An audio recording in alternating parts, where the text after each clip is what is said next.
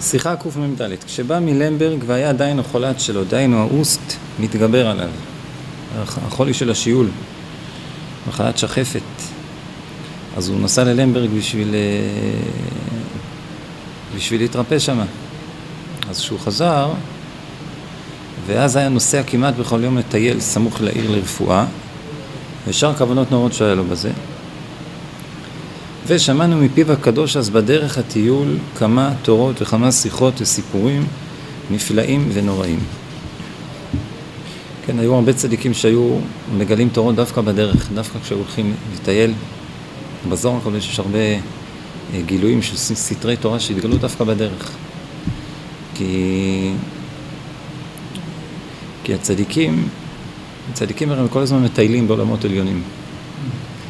ולפעמים הטיול בגשמיות הוא, הוא כלי לגילוי של, של הטיול בעולמות עליונים. כשהוא אה, זז ו- והולך ומגיע למקומות חדשים, זה גם עוזר לו להגיע למקומות חדשים בשמיים. זה מעורר, מעורר את זה. אז זה לך... אולי, כן. כן, יש עניין לחדש בשבת הרי. זה סוג של, זה, זה מעורר את ההתחדשות, הטיול. גם מרגישים את זה, בן אדם יכול להרגיש את זה, כשהוא הולך למקום חדש, מקום שלא רגיל להיות בו, זה הנפש מתחדשת. החידוש של הנפש הזה, זה, זה מעורר גם גילוי צדיקים שמגלים תורות, זה מעורר אותם לגלות גם דברי תורה חדשים. ו... כן, אז, אז היו כמה תורות שהוא אמר שם בדרך, אז הוא אומר, גם המאמר מתחיל דק שאחד מתפלל בשדה, הנאמר בפסוק, ויצא יצחק לסוח בשדה, בלקוטי עניין לסימן י"א, נאמר גם כן אז, בעת שנסענו עמו לטייל, ועמדנו משדה אחד, וירדנו מעגלה, והוא עדיין, עדיין יושב על העגלה, ועמדנו סביבו, והוא דיבר שם כשהוא יושב בתוך העגלה, ובתוך כך הגיעה שעת המנחה, והיינו רוצים להתפלל שם. אז אמר התורה הנ"ל, שמה התורה הזאת אומרת, והעניין שם, כשמתפללים בשדה, אזי כל העשבים וכולי נכנסים לתוך התפילה וכולי, אין שם. כל העשבים שבשדה באים ונותנים כוח בתפילה של הבן אדם שמתפלל שמה, וזה מרומם כל התפילה שלו ב- ב- ב- בהתחדשות, בכוחות חדשים, ועם חיבור לכל העשבים, לכל האילנות, לכל מי שנמצא סביבו. וזה נותן לו, מוסיף לו המון כוח בתפילה. למרות שצריך לדעת, על פי ההלכה, בן אדם שיש לו בית כנסת, אפשרות להתפלל בתוך בית כנסת, בתוך בית, אפילו שזה לא בית כנסת, אז אסור להתפלל בחוץ. אבל כשבן אדם בדרך ואין לו איפה, אין לו בית, אין לו מקום סגור, אז, אז, אה, אז בשעת הדחק אפשר להתפלל גם בחוץ. אז רבי נחמן אומר, יש פה גם רווח גדול שמרוויחים כשמתפללים בחוץ, כשמתפללים בפנים, בתוך, אפילו לא בית כנסת, אפילו בתוך בית, אז כתוב בהלכה שזה שבן אדם בתוך מקום סגור, מוקף מחיצות, זה מוסיף ליראה שיש, לתחושת היראה שיש בתפילה. אם זה בית כנסת, אז בכלל הקדושה שיש בבית כנסת היא מוסיפה ועוזרת לתפילה של בן אדם שתהיה בכוונה יותר ותתקבל יותר. אה, כתוב בשם, בשם הגר"א, אומרים שאם, כשבונים בית כנסת, אם היו בונים את הבית כנסת, כל אבן ואבן ששמים, זה היה בכוונה בשם שמיים, אז אי אפשר לחשוב מחשבות זרות בתפילה. מחשבות זרות לא היו נכנסים בתפילה, של כל מי שהיה מתפלל בבית כנסת הזה. יש השפעה גדולה של הכוח הפועל בנפעל. כשאנשים פועלים משהו, אז הרושם של הכוונה שלהם אה, נמצא בדבר הזה שהם פעלו. בן אדם בנה בית עם כוונה לא טהורה, אז יש רושם לא טהור בבית הזה. אז אה, למרות זאת, למרות שבית כנסת נבנה לא על ידי אנשים צדיקים, או אפילו חלילה על ידי אנשים גויים, ו... אבל עדיין, היות ואנשים מתפללים פה וקבעו את המקום הזה לתפילה, ויש פה הרבה תפילות ולימוד בתוך המקום הזה, אז זה, בסופו של דבר זה, זה מועיל לתפילה. אבל אילו גם הבונים היו בונים את הכל בקדושה ובטהרה, אז בכלל לא הייתה מחשבה זרה יכולה להיכנס לראש של האנשים שמתפללים בתוך הבית כנסת הזה, ככה בשם הגר"א. אז לכן היו צדיקים, לכן רבי נחמן אמר גם שיש עניין גדול להתפלל בשדה.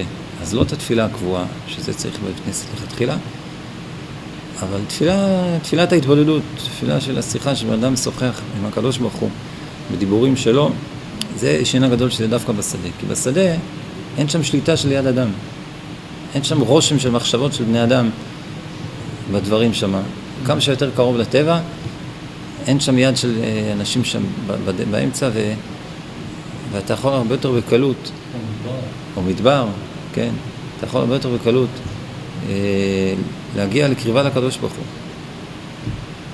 אה, כי אם בן אדם היה באמת אה, כתוב, שאם בן אדם, שעיקר מה שמשפיע על הבן אדם, מונע את הבן אדם להתקרב להשם, זה הסביבה, זה האנשים שסביבו.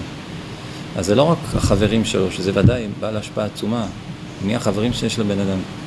בעל הסולם אומר ש-90% מהבחירה של האדם זה באיזה חברה להיות.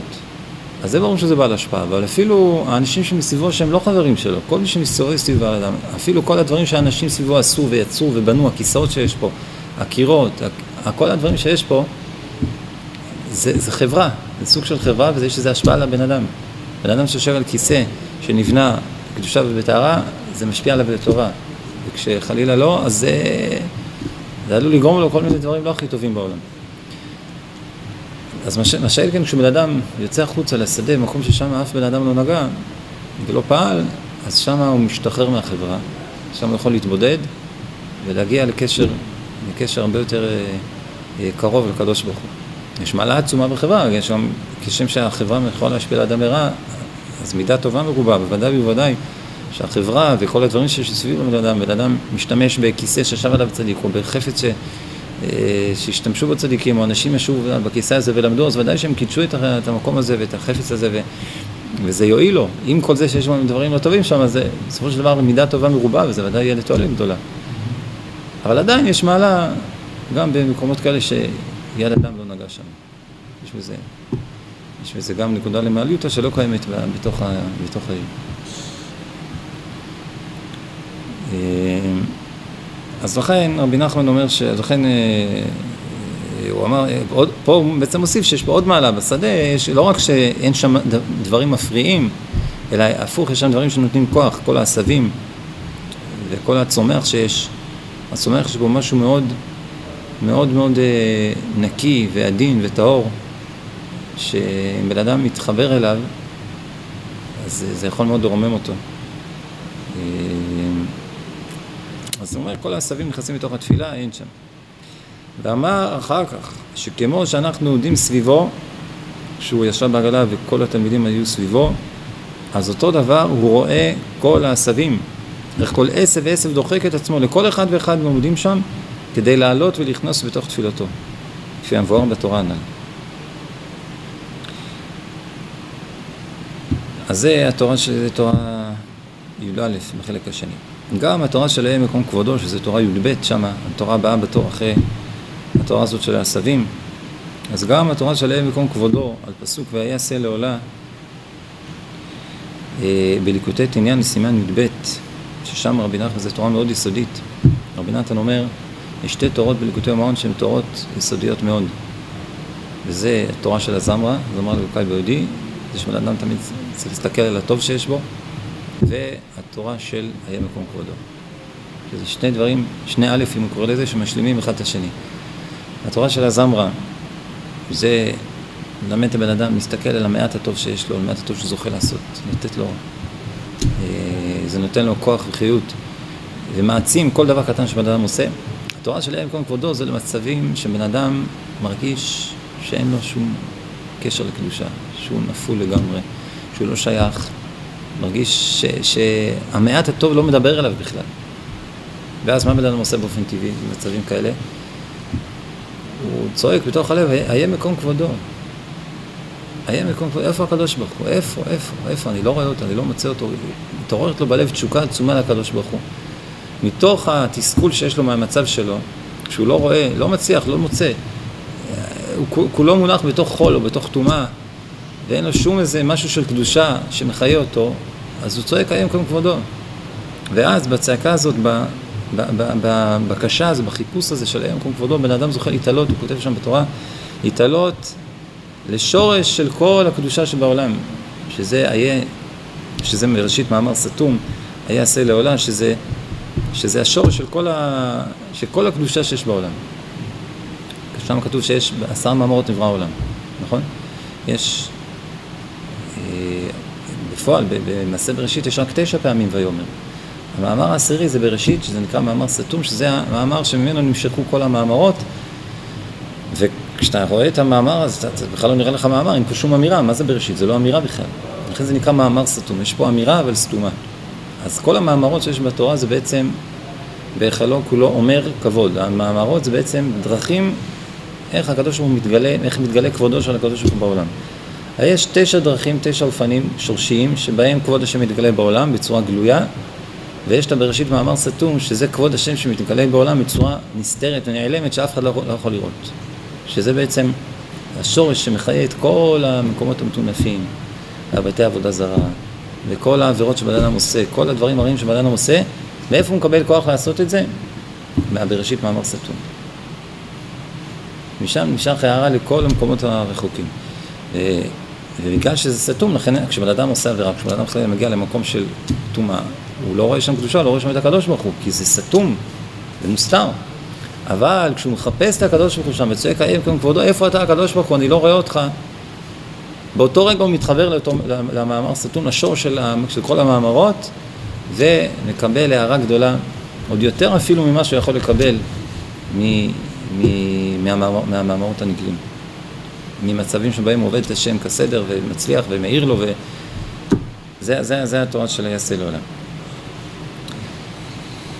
אה, אז זה תורה י"ב, וגם התורה על מאמר מה הייתה מה? גם לזוטרי גנובתי, ותור אריכא גנובתי, יש שם הגמרא בשבת, לא זוכר מי זה שם, שואל את, אה, את, את חברו, המורה, אה, כל מיני שאלות, הוא ראה שהוא יושב בבדיחות הדעת, בדיחה דעתי, ואילו היו שואלים כל חללי דעלמא, כל השאלות, התהיות שיש בחלל העולם, הוא היה עונה מרוב שהיה לו מצב רוח טוב, היה לו זמן שישאלו אותו כל מיני שאלות מוזרות. אז הוא אמר, זו הזדמנות, אני אתחיל לשאול אותו כל מיני שאלות, שאל אותו כל מיני דברים מוזרים מאוד. אה, אחת השאלות זה למה הגמלים, זורטה גנובתי, הזנב שלהם קצר, והתורה, השברים, אריכה גנובתי, הזנב שלהם ארוך. הוא ענה לו מה שעונה, לא זוכר מה התשובה. אה, נראה לי שהשברים אה, צריכים להבריח את היתושים עם הזנב. אה, יש להם יתושים שדרים בין החולות. והגמל, הוא הולך במדבר, איפה שיש קוצים, אז שהזנב לא יסתבך בקוצים, לכן יש לו זנב קצר. נראה לי שזו התשובה. והוא שאל אותו שם גם למה... טוב, תכף נראה, תכף נקרא את זה. אז, הוא אומר ככה, התורה למאמר מה הייתה מה גם לזוטרי גנובתי ותורה אריכא גנובתי היה מתחיל על אלו מתפרים מגדולות בסימן ט"ו, זה גם נאמר באותה הזדמנות, וגם התורה מתחיל לקשור. מפני מה כשאחד מבקש פרנסה וכולי בסימן ט"ז, זה גם נאמר שם, כל זה שמענו על הדרך בשעת הטיול, בעוד שערי תורות. וכל המאמרים הנ"ל ומה שנאמר על בדיחה דעתי וכל מה ששמענו, אז על הדרך הכל מקושר ומרומז במאמר רבותינו זוכנן לברכה, בהגדה הפליאה, שאל רבי יהודה, רב יהודה, שאל לרבי זרע, בעת בדיחה דעתי. מה הייתה מה? תרנגול עמד לעינה וכולי, יש ספרים שכתוב בהם 49. 49 תרנגול עמד לעינה. 49 תרנגול עמד לעינה. סליחה, מה כתוב? מה כתוב אצלך? מה איתה מה? מה איתה? בסדר, ספרים שפתחו את המ"ט, היה מ"ט, תרנגול עמד לעינה, אז פתחו את זה ל-49. 49 תרנגול עמד לעינה. אז מה איתה אמרת תרנגול עמד לעינה וכולי, ושם מרומז כל זה. אז שם מרומז כל העניין, מה שהוא מדבר פה.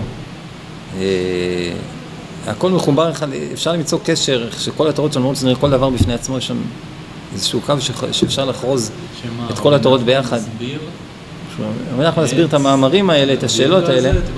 כן, את כל השאלות, כל חלק מהשאלות, נסביר מה העומק שעומד מאחורי השאלות, וכמובן גם מאחורי התשובות.